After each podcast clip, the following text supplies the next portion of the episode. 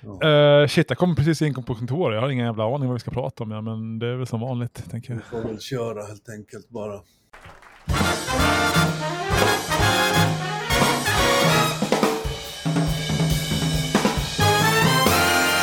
Vi säger torsdagen den 16 december. Det återstår åtta dagar till julafton, the day of the year, som eh, Fredrik Rosenqvist brukar säga.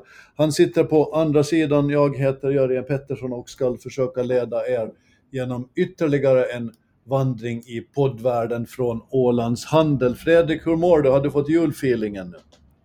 Uh, eh, nej, granen hade vält i morse. Men den är alltså intagen och sånt och så? Ja, vi har granen på, på en terrass utanför vardagsrummet så vi kan beskåda den från soffan men den står utomhus. Den är inte klädd nu och det blåste ju storm i, i natt så den hade vält. Men uh, ja. Jaha, så du har en in, icke stormsäkrad gran som det här? Ja, i övrigt är det en ganska bra grej för det, man slipper problem med barr inomhus när den står utanför huset. mm. Och så har man ett barn som inte kan slita ner den. Sådär. Så ja, kan jag rekommendera. Men vi har, ju den på sjö, vi har ju den på sjösidan av, av huset, så det, det har inte den som blåser där lite grann. Låter om du ursäktar lite som typiskt bankmannamässigt det där. Man är risk, riskförsiktig. Ja. Vet du vad det är samma sak som riskförsiktig är? Feg. Tråkig. Okej. Okay. Ungefär samma sak. Ofattbart tråkiga människor. Ja, ja. Inte alla förstås, men Nej. du vet risker och sånt här. Folk som lever på att beräkna risker hela tiden, det, det blir, det blir ju lite... Man, mm. man, har, man ser ju inte alltid möjligheterna då. Nej, Nej men jag, jag, jag, jag, har fått min första julklapp och jag har även gett min första julklapp. Eh, så lite feeling börjar man ju få. Jag gav min första julklapp igår åt en, en kollega och jag, jag fick en av dig häromdagen. Tack! Vad roligt att du fick den. Jag måste säga att distributionsnätet fungerar. Jag tror jag hämtade upp den två minuter efter att du hade varit och lämnat den. Så att, Sant? Ja, ja. Vad fint. Det, du måste visa hur den blir sen, för det var, det var en slags eh, IQ-test i den, inbyggd. Alltså... Jag, har, jag har inte öppnat den nu, det gör jag ju först på julafton. Sen. Ja, precis. Men förstå ja. då att eh, man måste, den kräver lite möda. Man får öppna Aha. den dagen före, för den kan vara trevlig att ha på själva julafton. Okej. Okay. Ja. Så lite julfeeling har du fått. Då är du en sån här som gillar, omfamnar du julen? Uh, ja, det, det, ja, sådär lagom. Vi förde en diskussion hemma om julbordet som ju alltid har sett rätt likadant ut. Och, ja. hos oss så blir det en, stor jul. Det blir, det blir med bröder och mammor och hela paketet. Det blir ganska många och då brukar vi, det förstås vara traditionellt. Du vet hur det är sånt här. Det ska vara skinka ja. och lådor och grejer. Men så tänkte vi oss på att vi skulle reformera julbordet lite och hotta upp det något och kanske ta med något lite mer vegetariskt och sånt här. Ställde frågan lite runt sådär att hur, vad kan man absolut inte lämna bort från julbordet? Och, och svaret är ungefär det mesta. Ja, man kan, ja, okej, okay. det var rätt många negationer där, men man måste ha med allt då, eller vad säger du? Ja, precis. ja, okay. jo, jo, det är väl samma hos oss. Men... Och det får mig att dra slutsatsen att julbordet, det, det kanske är skapelsens krona det. Att det är framtänkt under så många sekler att det går inte att göra någonting åt det. Det är som det är och nu får vi leva med det resten av tillvaron. Ja, men eh, i övrigt så äter vi väldigt lite traditionell mat, så det kan ju vara kul att man gör det någon gång per år. Ändå, sådär. Ja, det är nog sant. Mm. Är du sån här lutfiskmänniska? Nej, jag tycker inte om lutfisk. Aha, okay. Ja, vi pratar väl om något annat då. Mm. jag har i mitt stilla sinne tänkt så här ibland att det finns i stort sett två sorters människor. Det finns de som tänker först och gör sen. Och så finns det de som gör sen och tänker efteråt. Ja. Sådär lite generellt. Du vet som män är från Mars och kvinnor från Venus-stilen. Ditåt. Ja. Och när, när två sådana möts så blir det en rätt skön kemi. För då blir det både och på något sätt. Var, var är du av dem? Vem av, du, av dem är du? Uh, jag vet faktiskt inte. Alltså, jag tror man kan, alltså vissa är ju extrema, men man kan nog kanske vara lite av båda, bägge två. Det beror lite på situationen för mig tror jag. Ibland kan jag vara väldigt gasa och hals över huvud. Ibland kan jag vara lite mer försiktig. Så jag har faktiskt ingen aning. Jag tror man måste fråga de som känner mig. ja, men, men, så är det där lite. Jag frågade hemma och, och där blev svaret ganska enkelt. Jag är ibland lite för impulsstyrd. Ja, jag tror det också beror på om man till exempel jobbar med någon. Så ibland tar man rollen av att vara den som bromsar och ibland tar man rollen av att vara den som gasar, beroende lite grann på den andra också. Så det är inte så att man alltid är den en, fyller den ena funktionen, tror jag. Jag tror vissa människor är så i alla fall. Men överlag så har man ju, det finns ju ofta många så här, eh, alltså ledare och, i olika eh, genrer som, som där en är sån som gasar och den andra är sån som bromsar. Det brukar ofta vara en väldigt lyckad kombo. Jag tycker att det är ganska, ganska tydligt i, i Ålands Handel som vi gör nu. Där har vi de flesta av oss tre, då, du och Stefan Norgran och jag, vi är nog alla sådana som gärna gasar ganska mycket. Men sen här tror jag upptäckt att du är den som, som kanske tänker ett varv till ibland innan man bara drar iväg. ja, det kan det nog vara.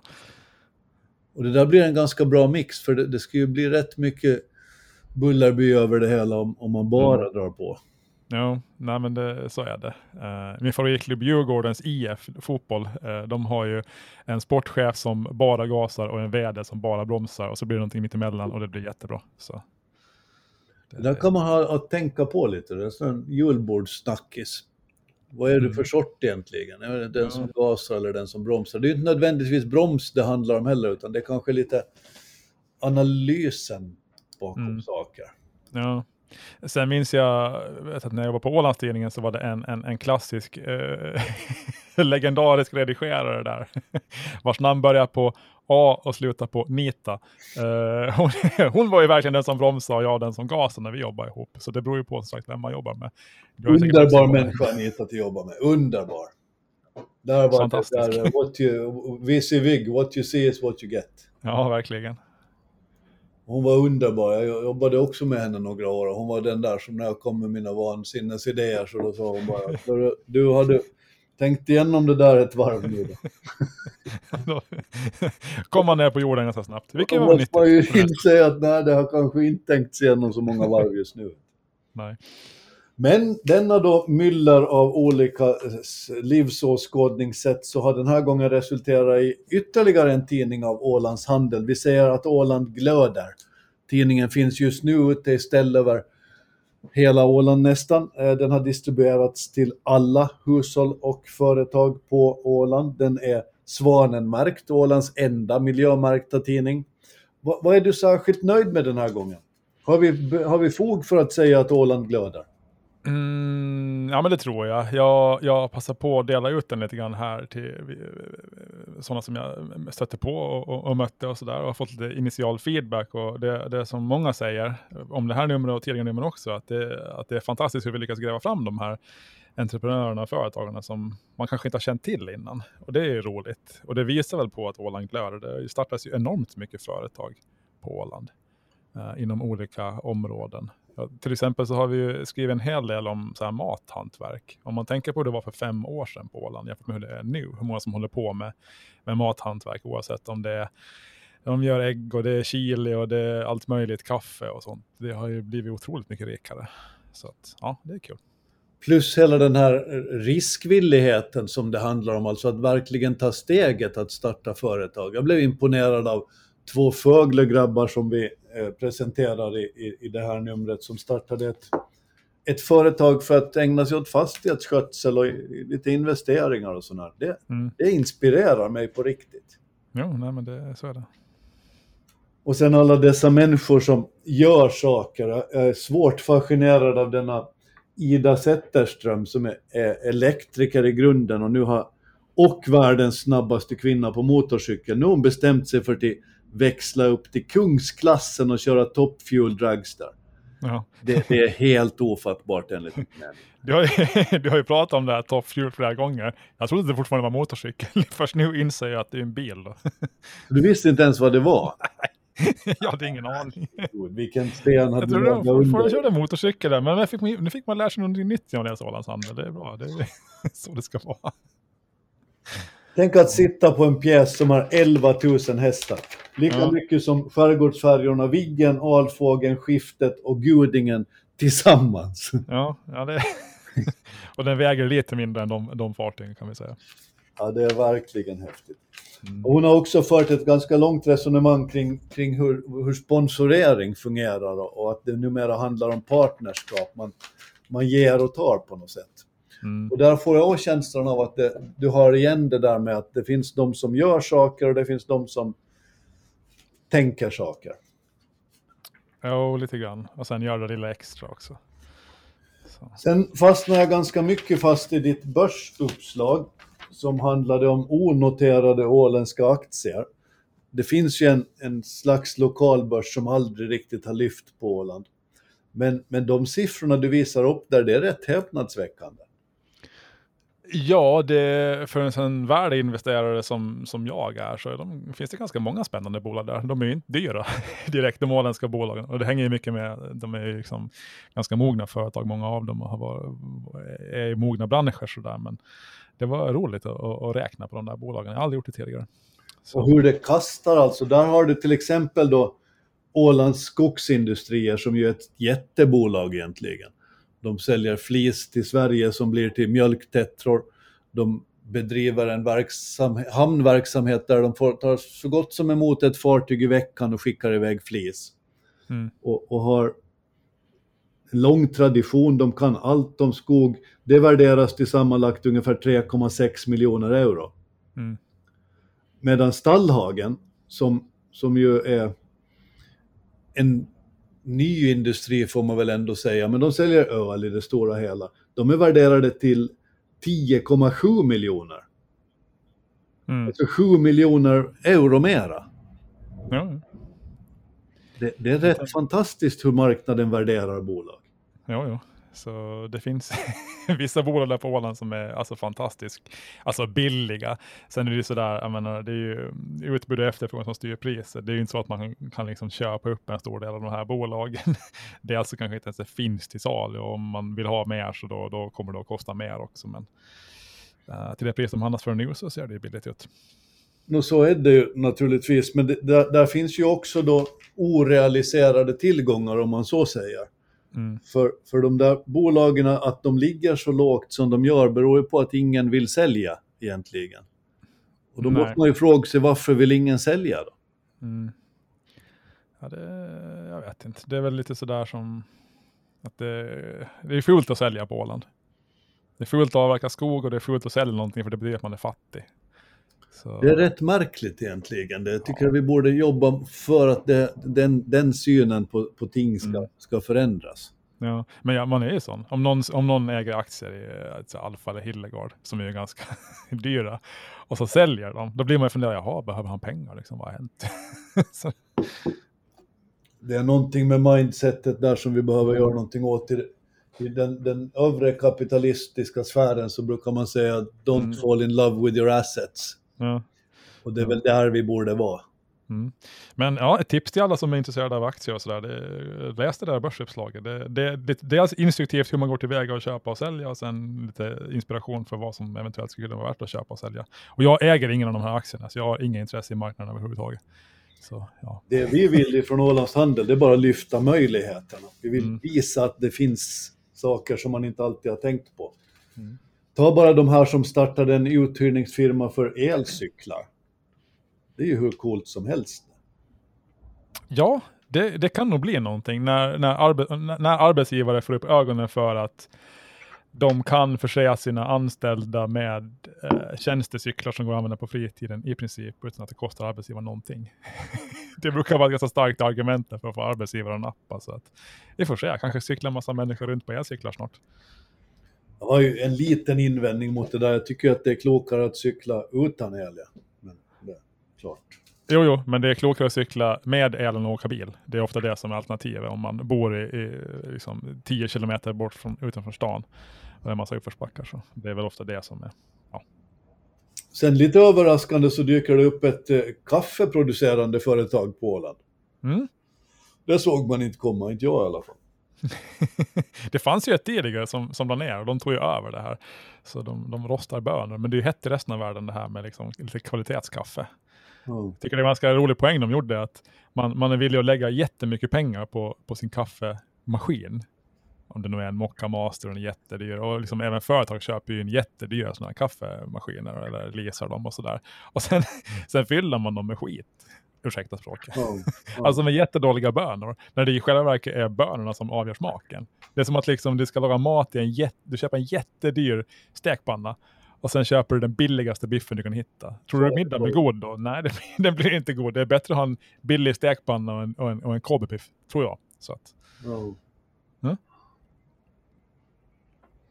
ja, du drar slutsatsen i din ledare, som för övrigt är läsvärd, att, sen, att företag är lite som äktenskap. De kan vara helt fantastiska i, i början, men, men det är få som håller i längden och att det kräver massor med jobb. Det där är en, en, ganska nyttig påminnelse, för det är ju inte enkelt att driva företag. Man måste alltid ligga i.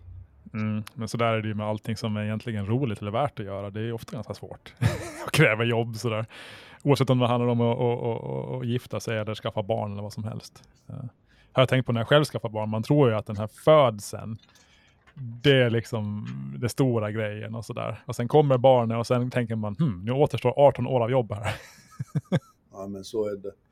Så. Jag fann tröst i när jag satt och läste Karin Boye en dag här, en diktare från Sverige som jag varit död länge och som dog alldeles för tidigt. Men hon formulerade snyggt. Den mätta dagen, den är aldrig störst. Den bästa dagen är en dag av törst. Nu finns det mål och mening i vår färd, men det är vägen som är mödan värd. Det är rätt mm. vackert, man önskar man ska komma på det själv, visst. Jo, jag snodde det till min bok. också. Det var exakt samma med där då va? Jo, jo, ja, det är med i Birka-boken. Nej, men jag tycker det var, det var, jag blev att tänka på det. Många tycker så här, jag tog exemplet Birkaline då, att det, det, var inte värt någonting för att bolaget finns inte längre. Allt det här slitet i 49 år var förgäves. Men målet med att starta ett rederi, det är inte att det ska liksom det är det som sker under resans gång. Alla de människor som har jobb, alla de pengar man tjänar under resans gång som är liksom det här arbetet som är, som är det roligaste. Och det är samma sak med när man skriver en bok. Det roligaste med att skriva en bok är när man håller på. Sen när den är klar och den, den, den hyllas eller den säljer jättebra, då känner man sig ganska tom ändå. Sådär. Det är inte lika roligt som man hade tänkt sig. Utan det var ju själva den här resan dit som var, var liksom värd någonting. Oh. Uh, och så är det ju med liksom det mesta i livet. Så där. Man, man, man förväntar sig att det ska komma någonting i framtiden som är helt fantastiskt. Men det är ju här och nu som magin sker. Liksom. Hur brukar de säga, inte visste jag att det var alla dessa dagar som kom och gick som utgjorde själva livet. Nej, precis. Det kommer ju på först när det redan är för sent. Ja, jo. Och där tycker jag, jag är väldigt glad över att vi har startat Ålands Handel, för den lever här och nu och visar mm. på möjligheterna. Mm det ska vi till viss del vara nöjda med tycker jag. Du, vi har många andra saker som vi ska prata om också idag. Till exempel lite mera om de lokala aktierna och Stallhagen. Har du läst på om deras nya emission? Nej, jag noterar att den har ägt rum och jag, jag, jag råkar vara på Stallhagen ungefär när de skulle ha bolagsstämma. Det var styrelseledamöter som sprang runt där och var nervösa och sådär, så jag, jag, jag har ju sett att den har ägt rum. Men Uh, nej, jag har inte liksom läst på och, och räknat på den desto mer. De, ska, de vill få in drygt en och en halv miljon euro genom till mm. 16 700 tydligen nya A-aktier. Ja, och de säger väl att det var väl ett svar på att de gjorde en sån här, alltså en, eh, vad heter det, en riktad emission först, de här stora ägarna pytsade in pengar och sen var det väl signaler på att eh, många andra också ville vara med, så de gjorde det nu också. Då, så att, Um, det är väl inte en, återigen en nystart för bolaget. De har ju en ny vd och nu tar de in mer pengar. Så att det, det är många nystarter för det där bolaget. Det skulle vara kul om det lyfter ordentligt någon gång. Men det kanske det gör. Du, det har varit många emissioner. Vi har Viking Line som pågår som allra bäst, där vi ännu inte riktigt ser slutet på den. Det ska bli intressant att se till exempel ägarfördelningen när, när dimmorna lagt sig. Eh, Tallink genomförde tidigare en emission, den var inte riktigt lika stor men den blev övertecknad flera gånger om. Är det fler emissioner vi har glömt? Jag får känslan av att pandemin har gjort att folk dels har mera pengar som de inte har spenderat på en massa annat och nu är, är köpsugna. Är det, är det en rimlig mm, analys? Mm, ja. Fifax får vi inte glömma heller. Fifax får vi inte pengar. glömma. Fifax, Nej, men det är väl överlag i hela världen en trend att det har ju tillkommit otroligt, dels mycket bolag som har tagit in pengar och sen har det tillkommit massor med bolag på börserna. Så det här kapitalet som finns, det, det liksom sprids ju ut på fler och fler bolag som tar in mer och mer pengar. Så det börjar bli lite tunt i någon, någon mening, fast centralbankerna har gjort sitt för att skapa, skapa mycket pengar. Men ja, så det kanske någon topp vi börjar se snart. Mm. Mm. Eller så är det helt enkelt så att man inte riktigt har, har övervägt möjligheten för en emission och mer kapital gör ju också att du får takhöjd. Du kan ju göra mer saker. Jo, jo. Nej, för de som, bolag som lyckas ta in eh, bra peng, mycket pengar till, till bra villkor, det är förstås bra. Men så här, man ser det ur ett makroperspektiv så det är väldigt många bolag som konkurrerar om, om, en, eh, om, om pengarna, om man säger så. Så är det verkligen, men jag, jag gjorde en intervju med Viking Lines eh, då, nu, numera största ägare Jakob Johansson så lyfte han fram det att, att förr så, så var det kö till riskkapitalisterna med olika entreprenörer som ville visa upp grejer. Nu har nästan den kön vänt. Så mm. att det är de som sitter på pengar som får köa till olika former av entreprenörer för att vågar man får satsa. Det är en jo. ganska intressant utveckling. Ja, så är det. Sen är det frågan om det har svängt nu den senaste månaden. Eller att vi är, det är på väg att svänga. Det är väl lite tecken på det. Sådär, men det, vad det, det får utvisa. Vad säger du nu, att börsmarknaden är labil och nervös? Nej. Nej. det kan du väl inte mena ändå? Nej. Mm. Stabiliteten i världen när det kommer till makroperspektiv i alla fall i viss mån, nu är Finland kanske inte så hemskt mycket makro alla gånger, men, men här så oroar sig Finlands bank för den höga privata skuldsättningen. Alltså trots nu det vi har varit med om i pandemin, det är ju bara ett par år i och för sig, men, men tydligen så har hushållens skuldsättning fördubblats sedan början av 2000-talet. Mm. Vad, ska man dra för slutsatser av det? Ja, jag kan ju tycka att det är lite ironiskt att Finlands bank är oroad över det när det, när det är centralbankerna som, som skapar den här skuldsättningen. Uh, det är ju liksom andra sidan av myntet av, av, av pengaskapande. Alltså man skapar ju pengar i vår, vår ekonomi genom att skapa en skuld. Så när man, man, man ökar penningmängden med så här mycket så ökar skulderna med lika mycket. Det, det, det, så funkar det rent logiskt. Och mycket av de här skulderna hamnar ju hos, hos hushållen och företag. Men det är det man vill när man, när man stimulerar och håller räntan låg. Det, man vill ju att folk och företag ska ta lån och det är så pengar, nya pengar skapas. Så... Och sen när de gör det så slår man larm. Ja, så står de larm sen. Ja, men ja. Det, det, det finns man har alltid att det här, det här är motiverat då för att hålla, hålla uppe ekonomin på grund av pandemier och finanskriser och en massa annat. Sådär. Men ja, nej, men det är väl en, en risk med att vi är väldigt skuldsatta. Om man hamnar i den situationen att ingen, alltså vi klarar inte av en höjd ränta nu. Banker tyder, banker tyder allt mer på spelbolag och, uh, uh, och spritmonopol.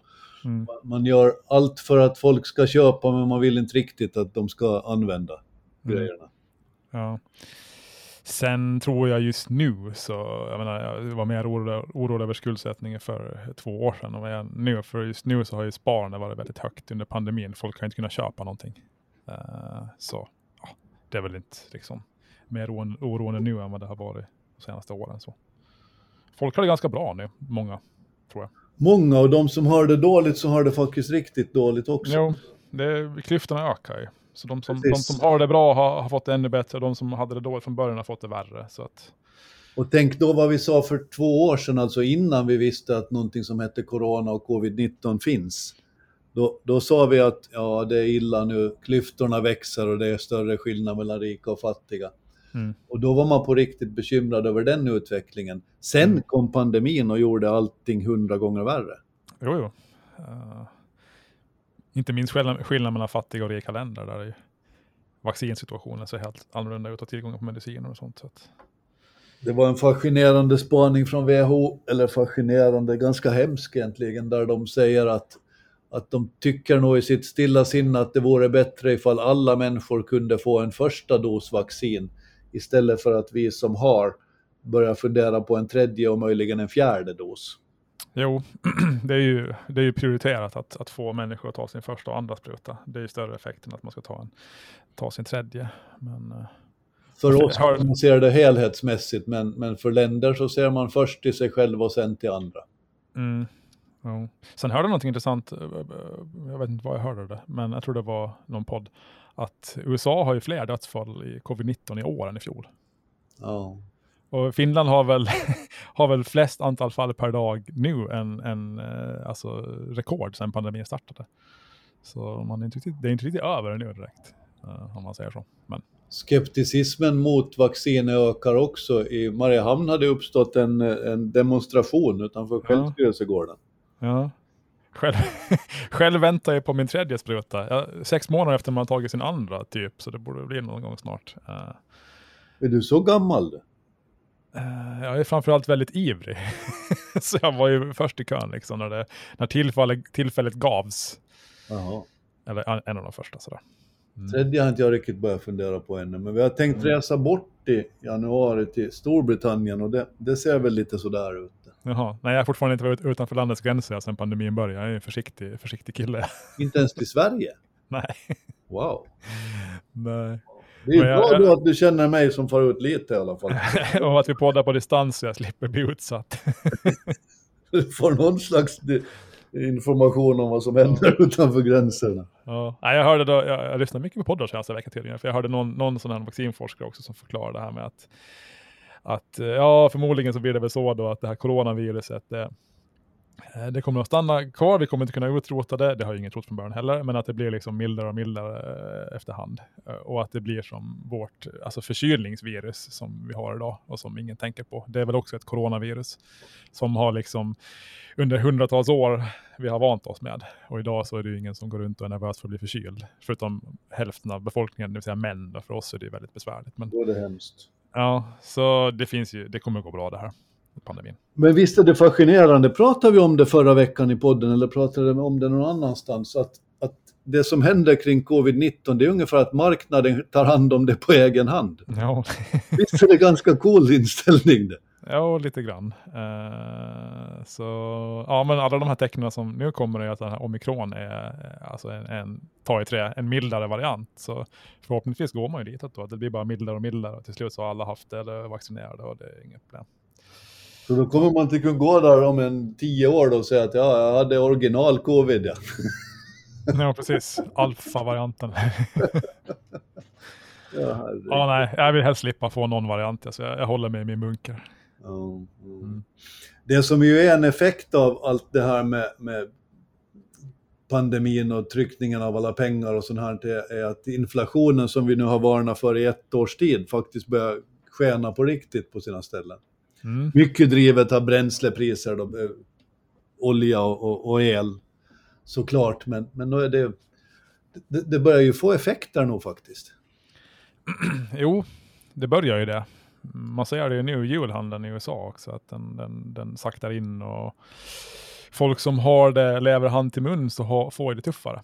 Um, när det börjar bli så här dyrt. Uh, vi pratade på lunchen här om att vad det, vad det kostar och har kostat under hösten och, och liksom om man ska tanka sin, ladda sin elbil i Stockholm. Mm. Alltså det är dyrare att, att ladda elbilen än, än att tanka med bensin. Mm. Under vissa dagar nu. Kostar liksom så 70 euro att ladda elbilen. Uh, så ja, visst börjar det ju svida. Och det, är så här, det som är skrämmande med inflation är att det är ofta självuppfyllande. Om alla förväntar sig inflation, då blir det inflation. För då höjer alla sina priser för att det är inflation. Eh, mm. man, man liksom vill ha mer betalt för att ha råd med saker. Och om det blir så, då blir det ofta lite besvärligt.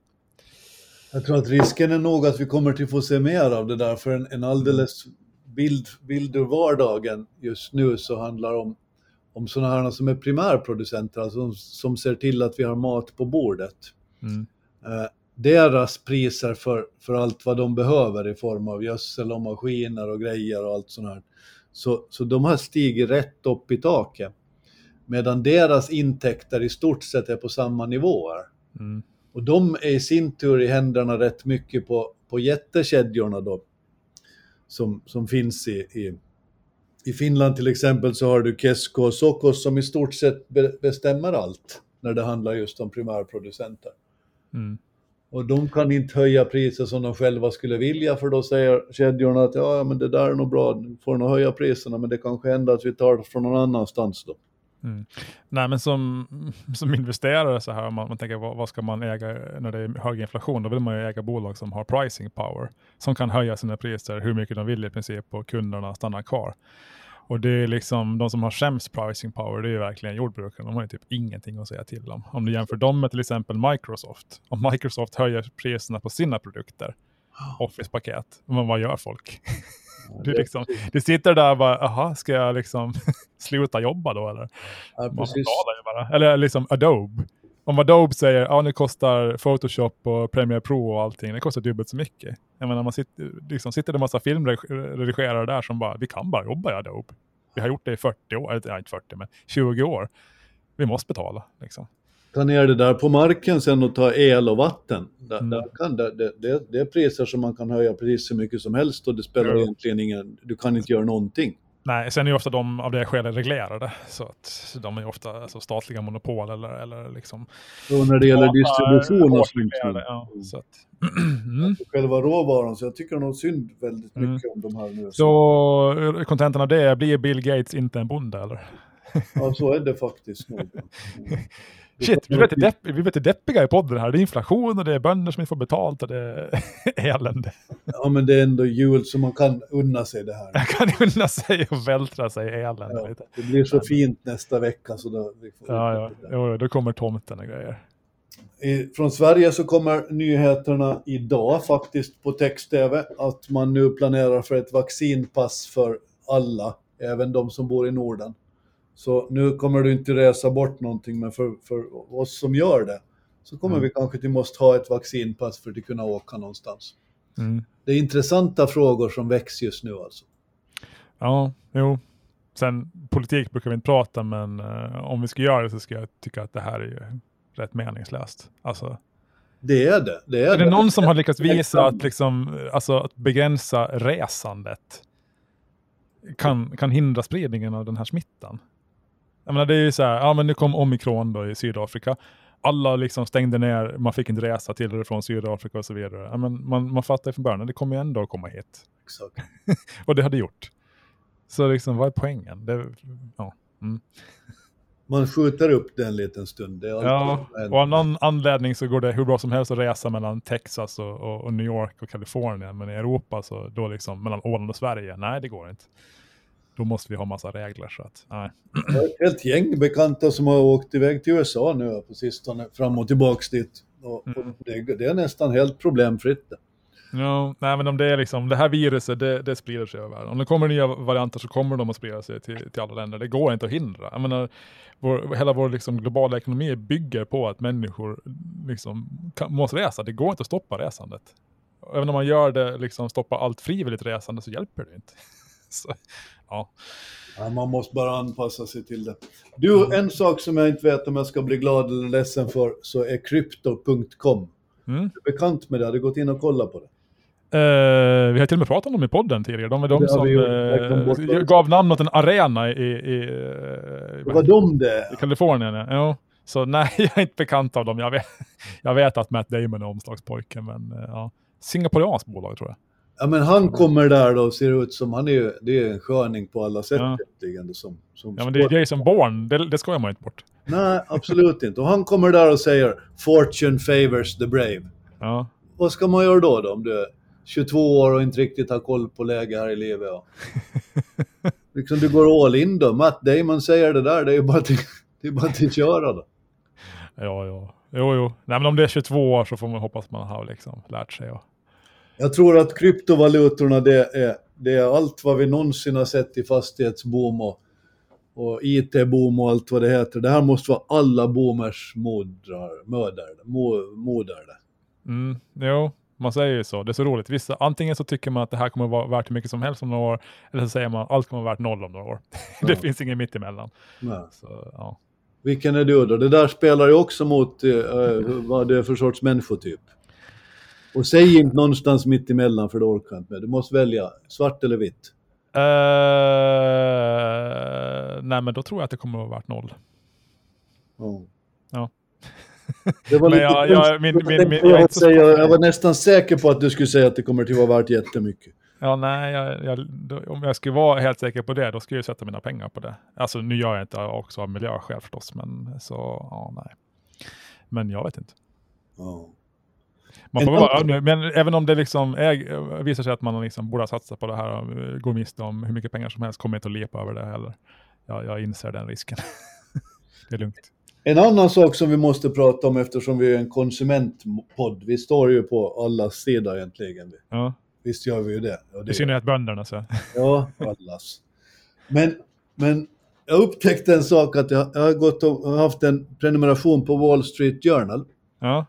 Och, och, den är ju fin på alla sätt, men så kände jag att jag läser den inte så mycket faktiskt som jag kanske borde. Nej, det märks. Ja, exakt. Tack för den passningen. Men, men i varje fall så ska jag säga upp abonnemanget. Ja. Det är ju omöjligt det. Jo, men det, jag vet. Eller jag har aldrig provat. Men jag, ja, jag gjorde det nu hela vägen alltså. Du skulle registrera, du skulle först måste på, börja på hemsidan. Ja. Och så fick du fortsätta och svara på en massa frågor. Och sen ja. till sist fick, de, fick man ett svar att jo, det här går nog bra det till sig upp det. Du behöver bara ringa ett nummer. ja, mitt i natten typ. så måste man ringa och sitta i telefonkö ett antal timmar. Inga timmar, men ganska länge i alla fall. Och så fick jag träffa en, så fick jag snacka med en, en kvinna som, som sa att det här var ju, så, det här var ju synd det, att vad, vad beror det på? Och jag sa, ja men för att jag inte vill läsa den just nu, då var jag lite uppretad då får man säga. Mm. Allt på engelska, alltså som man inte har koll lite på och, och är ganska enträgen så, så är du ju fast i det där. Och så började jag prata runt i min bekantskapskrets det fanns ett antal människor som hade gjort likadant. Någon var inne på någon matsida som de hade tecknat abonnemang på och det bara fortsatte att vara omöjligt att se upp. Någon annan hade på någon hyressajt där det bara hade blivit kvar.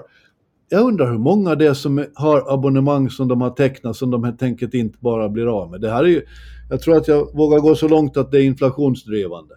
Ja, nej men det, det finns ju enormt, enorma mängder sketcher om det här, funnits länge, hur, hur svårt det är att avsluta abonnemang. Det finns ju en, den gamla tv-serien Vänner, kommer du ihåg den? Ja. Där, där, skulle de ju avsluta en gymmedlemskap en gång och det var helt omöjligt. De fick alltid fram den gymmen, den snyggaste tjejen som, som de hade och så kom de därifrån med ett utökat medlemskap istället och sådär. Så, ja. Men det är lite grann affärsidén med, med att ha sådana här prenumerationstjänster, att göra det väldigt svårt att avsluta dem. Och det kan man antingen göra genom att låsa in folk genom att, till exempel Spotify, du skapar spellistor om allt möjligt som du inte helst vill bli av med. Eh, mm. Så därför har du kvar abonnemanget. Eller så gör du det helt omöjligt att avsluta det för du måste hoppa igenom tusentals olika hinder. Sådär. Ja men det här var helt galet det med Wall Street Journal. Alltså den här då som jag pratade med till sist, hon var ju otroligt övertygande. Och mm. frågade säkert fyra gånger, ja ja men, men varför vill du sluta den då? Kommer det inte att kännas tomt efteråt? Det var alla möjliga konstiga frågor. Och jag blev bara högrödare i ansiktet för varje fråga. Du borde ju spela in, du borde ju spela in det här så vi kunde spela upp det i podden. Det skulle... Ja, men det borde jag ha gjort. Vad dum jag var som inte tänkt på det. Ja. Kanske jag borde prova att avsluta mitt abonnemang och säga, och säga, men jag vill ju inte göra det. Ja, men det, var, det där var faktiskt, det var ja. nästan surrealistiskt att höra. Ja. Och så kom hon med, och sen det, det, det, nästan alla de här checkfrågorna då var avklarade så då, ja. då skulle jag få specialpris om jag skulle få fortsätta. Ja. Fast det var, det, var, det var kontraproduktivt för då var jag redan så arg så det var för mm. sent. Mm. Ett, typ, ett, ett knep som alla vet om som har så Adobes program det är att eh, avsluta, program, alltså avsluta prenumerationen. Och då får man alltid erbjudande om att du får ha det sex månader gratis. Om du fortsätter, då, då tar man det. så gör man det med jämna mellanrum så får man lite billigare. Så, ja. Ja, det finns så mycket som man... Mm, jag hade samma sak med DN när jag skulle avsluta DN för hundra år sedan. Det var också helt omöjligt. Det slutade med att jag måste faxa dem för att kunna avsluta det. nu när du säger det, jag hade den upplevelsen med Svenska Dagbladet faktiskt. Ja. Jag är ibland sådana som hoppar lite emellan. Tänk på, det, tänk på det när ni läser Ålands Handel och prenumererar på den här podden. Det är jäkligt enkelt att avsluta. Det är bara trycka på en knapp eller, eller inte läsa tidningen. Och dessutom är det gratis. Men ja. får jag säga, det, där, det här mitt elände nu så har, har fått mig att fundera på en affärsidé som vi kanske måste ta vidare. nu, nu, är det min, nu är det min roll att bromsa här. Men... Vi rusar vidare. Du vill eh, hylla årtiondets bästa serie hittills och kom ihåg nu att du snackar med en som har sett nästan allt. Men du har inte sett Dopesick? Nej, jag har inte gjort det. Jag är frestad av att se. Det kom ju nu i höstas. Det handlar om Purdue Pharmas eh, Oxycontin, alltså den här eh, värktabletten som kom runt millennieskiftet kanske, lite efteråt, som ja. skapade en stor epidemi av, av beroende och död och hemskheter i USA. Um, otroligt bra serie. Det är den bästa jag sett på fem år, kanske. Jag lovar, jag kommer till se den under julhelgen. Det kommer jag att göra. För den här familjen Sackler heter de. Mm. De är ju då stormrika. Och de har varit med, och det är ju så när du blir mecenat, när du blir stormrik så blir du mecenat. Eftersom du inser till sist att folk älskar dig inte för dina pengars skull och du vill ändå bli älskad och du vill lämna ett eftermäle. Så de har då sponsorerat Tate Modern i London och ett, en rad med sådana museer i, i, i, USA där de, där de bär namnet Sackler. Mm. Men, men alla dessa så har nu bestämt sig för att skruva ner skyltarna. Jo, de plockar ju bort dem där då. Så... men sen är det, ja, nu ska jag inte spoila hela serien, men man kan ju ställa sig frågan, vem är skurken egentligen i den där serien? Är det, är det, är det där företaget eller är det de myndigheter vars, vars jobb det är att se till att det där inte händer, som ser mellan fingrarna och, och sådär? Som... Så, är det, så där är det ju precis, det är exakt samma mm. som det med spel till exempel. Ja, för att, för att liksom marknadsekonomin ska fungera så får du ju inte bedra folk. Du får inte, du får inte liksom lova saker eller säga saker som inte är sant. Det är bedrägeri, det, det är liksom ett brott. Och när i det här fallet då ett läkemedelsföretag får påstå att det här läkemedlet inte är beroendeframkallande och får liksom en myndighetsstämpel på att det är så, då blir det ju väldigt knasigt. Så att, mm. Men mm. kan varmt rekommendera den här serien. Jag vet inte riktigt var det går att se den. Disney Plus ser jag den på i alla fall. Jag tror att det var på Disney Plus, för du har pratat om den så mycket så jag tänker ta ett abonnemang till eh, mm. jul. Sen, det är väl lite sådär, många här, alltså det, det, har väl använts den här, och används kanske fortfarande den här medicinen här också. Jag tror jag har tagit den någon gång. Från det, alltså jag tror att jag har ätit Oxycontin någon gång, när, möjligen när jag opererade en axel eller något sånt här. Ja, jag var samma här. Och i starka grejer. Väldigt starka grejer. Så att, Nej men det tecknar roligt, alltså liksom eh, beroende och, och, vad det kan leda till för problem. Om man inte riktigt är, har, är på det klara med det, så efter man sett den där serien, då, då fattar man liksom grejen. Vilka hemskheter det kan ställa till med. Den där kommer jag till se alltså. Kring beroende har jag läst oerhört mycket och det, mm. det finns nästan ingen värre sjukdom alltså. Nej, och det finns inget jäkligare än att vara beroende av, av opiater. Um, att, mm, dagens eh, tips. Dagens tips är Dopesick, se den och bli lite klokare. Jag är nyfiken, hur har det gått för dig och dina, eh, dina eh, spekulationer? Du gick in i, i Kaliditas, hette det så? Jo, Kaliditas Therapeutics. Alltså jag, jag har haft ett otroligt spännande dygn. Ja. jag måste dra den kort. Gör det. Eh, för en vecka sedan så gick jag in i dem och det skulle komma besked från FDA i, senast igår om de skulle få godkänt för det här läkemedlet mot det är någon sorts njursjukdom. Eh, så var jag lite så här, man gick och väntade igår då och först så, så, så, steg aktien ganska mycket i Stockholm och sen mitt i allt bara eh, föll den ihop fullständigt, föll jättemycket. Jag bara, ah, vad händer nu? Och så stängde eh, liksom börsen i Sverige, den öppnade i USA och det föll vidare och sen vände det och så började det stiga jättemycket och, och ingenting hade hänt. FD hade inte sagt någonting och jag var liksom jättenervös över hur kommer det här gå? Så gick jag och la mig utan att någonting hade hänt. Och sen vaknade jag fem i morse och bara, hur har det gått? Hur har det gått? Då hade jag drömt att, att de hade fått nej på det läkemedlet. Så jag, jag, jag, gick in på deras hemsida i morse och de hade fått ja av FDA. Uh, eh, det var helt otroligt. De har liksom en, en sån här snabb process för ett njurläkemedel. Det är otroligt ovanligt att FDA godkänner det, men man anser att behov av det här läkemedlet är så stort. Så att det blev en succé, typ. Och hur mycket men, steg den med då? Jag var ju lite besviken. Den, den steg bara 60 procent. Um, och nu kan det låta förmätet att säga det, men jag hade väntat mig lite mer. Så jag har kvar dem faktiskt. Jag har inte sålt dem ännu. Um, och sen hade jag faktiskt tänkt köpa mer igår.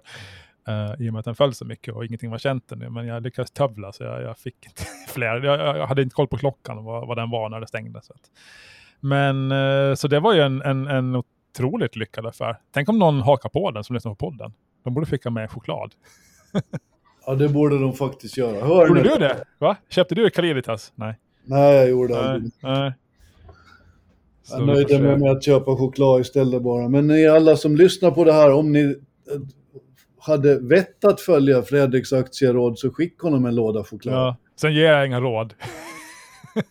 och nu i och med att jag då agerar mäklare här så ska jag vilja ha en liten del av den chokladen som kommer in. Aha. tycker jag är rimligt. Ja, ja. Så funkar marknadsekonomin. När man mäcklar fram saker så då... Mm. då så, nej men jag, jag, jag, vill ha mer spänning, så nu, nu sitter jag och väntar på att USA-börsen ska öppna, för den handlas i USA också, den här aktien. Och då tänker jag att nu blir jänkarna till sig när FDA är godkänt, så då kanske jag tjänar lite mer. Man, ska man ska ha lite kul också. Ja. Caliditas är ett bolag som vi har pratat om på sistone. Ett annat är Intervac som mm. är högaktuellt just nu. På vilket sätt då? Jag kommer inte ihåg om jag nämnt dem i podden, men jag var ju på Aktiespararnas höstmöte för ett par veckor sedan. Det var väl någon gång i november. Och då var det en eh, investerare där, jag gissar inte säga vad han heter, jag vill inte peka ut någon, men som gav tips om just det här Intervac då. Bland annat han nämnde flera bolag. Och jag gick, när jag gick därifrån så vet jag att det var väldigt många som var så här, oh, det är det många som kommer att köpa det här bolaget på Åland nu. Eh, de gör ett vaccin mot vad heter det, kvark som hästar drabbas av. Mm. jag noterade det här för igår så föll den här aktien med typ 60 procent och den, den, den, faller vidare idag. Så den, den har ju halverats sen det där aktiespararmötet. Och problemet var att det var någon, någon myndighet i Sverige som har, har läckt ut någon information att de anser att det här vaccinet inte fungerar, vilket är ett problem. Så man ska ta med sig att det är ganska hög risk i sådana här läkemedelsbolag. Så att man ska inte ta råd från andra alltid. Man ska det var alltså en riktig tänkte. hästmedicin där. De det, var en, det, blev, det var en riktig hästmedicin. Ja. Mm. Sa de det också, det stod säkert någonstans i finstilt där att uh, kom ihåg att uh, historiska, press, vad brukar de säga, historiska framgångar är ingen garanti för framtida ja. segrar. Ungefär. Så ja, jag undrar hur många det är som eh, sitter och knyter näven i fickan på Åland nu. Nu ska jag bara ta kul åt det, men det, ja, det, var så roligt, när det, eller roligt, det var så speciellt i och med att det var en sån stor händelse bara några veckor efter den här aktien hade kommit på tal. Så, där, så att, sen kan det ju räpa sig, jag vet inte, det var ju lite... Så tips från coacherna, ta det, ta det lugnt ifall någon erbjuder dig hästmedicin. ja, och ha inte alla ägg i samma korg. Framför allt det, framför ja. allt det. Du och jag, när jag läste om uh, Bruce Springsteen, vi har tidigare pratat om artisterna som, som uh, abdikerar från sina låtar, alltså när de säljer dem. Nu har Bruce Springsteen gjort samma sak som David Bowie, Paul Simon, Neil Young och några till har gjort. Har, han har sålt rättigheterna till sin musik mm. till Sony Music. Mm. Mm. Det där är en utveckling som är ganska speciell. Mm. När konstnären, den som har tagit fram det, säger att nej, men jag vill inte längre äga det utan jag säljer det till er. Mm. För det får han då 500 miljoner dollar. Och, och det där är faktiskt, jag vet inte riktigt, jag har svårt att förhålla mig till det. Är det faktiskt en bra utveckling det där när, när aktiebolag tar över? Ja, jag tycker väl att, inte om en bra ägare till det här till det här liksom, att förvalta det här, den här låtskatten. Jag tänker att liksom content, alltså musikbolag är väl ganska bra ägare till musik. Annars blir det ofta så att de här artisterna, de dör i förr eller senare och då får deras arvingar rätt till deras verk och det blir en massa knas och sådär. Så det är väl ett sätt för de här artisterna också att casha ut. Jag menar, de, deras musik lär ju leva betydligt längre än vad de gör och då kommer det royalties, men de är ju döda då. De kan, har inte så mycket nytta av det eh, då. så de vill väl kanske ha pengarna nu och, och, kunna liksom styra över hur de ska användas och förvaltas och sådär. Så jag tycker väl det är helt bra. Oh, ja, ja. Vi säger väl så då det har ju, finns ju massa exempel på liksom, där folk har dött och det har varit alltså, arvstrider och olika delar av, av liksom, rättigheterna till någons verk har hamnat på, hos olika människor som hatar varandra och det blir bara knas. Liksom. Så det är väl bättre att de, ja men typ som Sony. Som det blir med den här svenska Män som hatar kvinnor-serien, den här trilogin. Mm. Har du läst den? Um, jag kommer faktiskt inte ihåg. Jag tror jag kanske har läst någon. I varje fall så gjorde sen David Lagerkrans eh, en par uppföljare tror jag. Nu har de eh, sålt rätten till ytterligare tre. Eller kontrakterat en författare som ska göra ytterligare tre mm. böcker i serien. Det, det, är en ganska speciell affärsidé när, när någon först hittar på grunden, bygger grunden till det hela. Sen mm. går den och dör och sen så blir det strid om rättigheterna först och sen när det är klarna så då bygger man vidare på samma grund. Skulle, skulle jag vara upphovsmannen skulle jag vara ganska nöjd över det tror jag.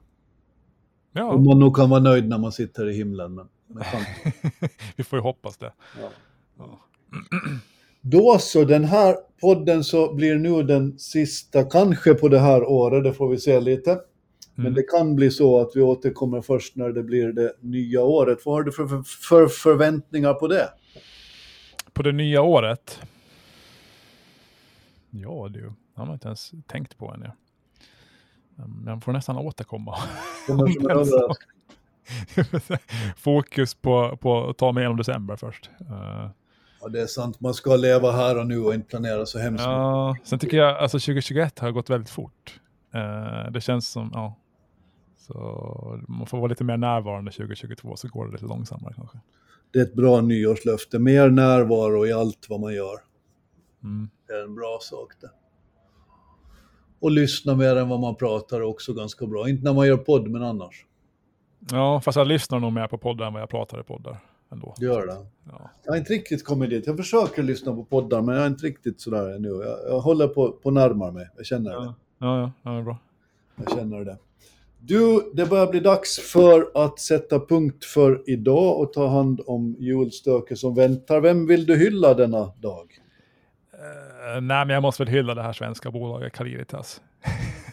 det, det, dels alltså för att ja, det, det gynnar mig och sen också för att svensk biotech, eh, alltså medicinteknik och sådär, har haft det otroligt tufft många år, i synnerhet i år. De, de, man har liksom haft jättestora förhoppningar och, och, och har ansökt om, om tillstånds FDA och sen har allt gått på skit för jättemånga och det har varit superdeppigt. Och nu får man ett genombrott i ett bolag. Så det, det är roligt för hela sektorn. Liksom. Och sen att jag lyckades pricka in det, det var bara tur. Men det är kul för, för sektorn nu kanske det, det, det lyfter för fler bolag. Uh, Sverige är väldigt stora och duktiga inom, inom mediciner och, och biotech med, med Astra och allt vad de heter och har hetat. Vi är stora och duktiga i nästan allt tycker jag. Mm, så bra jobbat av, av dem och så kan iglar som jag få en liten del av deras framgång, lite oförtjänt. ja. jag, jag skulle vilja hylla sjöfartens dag, tänker jag hylla idag. Alltså det här evenemanget då som, som arrangerades i november efter ett och ett halvt års uppehåll och som kommer tillbaks i maj och som drar tusentals besökare till Åland. Nu har vi alltid vetat att det där är så för det har varit fullsatt i Alandica där det ordnas och det brukar vara väldigt fina möten och allt sånt där. Jag är lite jävig i sammanhanget för jag finns med på ett litet, litet hörn i det hela.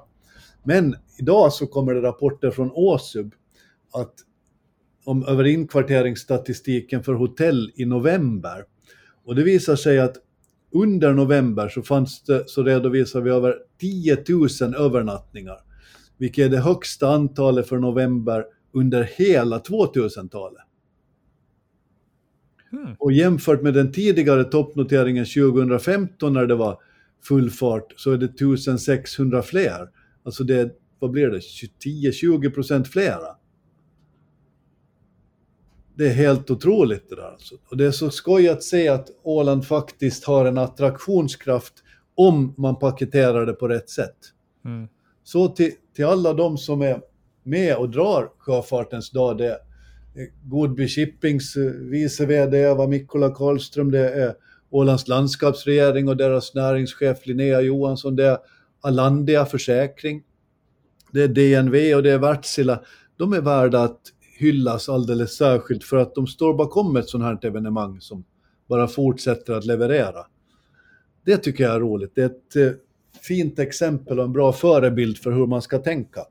Där började man göra, man började för 20 år sedan med väldigt liten skala och så har man målmedvetet och sakta byggt upp det till vad det är idag. Det är inspirerande på precis alla sätt. Mm, bra hyllning. Håller med. Så ungefär där. Och med ja. det då Fredrik så ska jag väl önska dig god jul.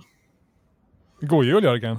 Och gott slut och gott nytt och sånt Och sköt ja. om dig. Ja. Kom ihåg att äta alldeles lagom nu, men mycket choklad, det gör dig snäll. Ja, bra. Tack och förlåt. Och tack för att ni lyssnade alla. Hej då.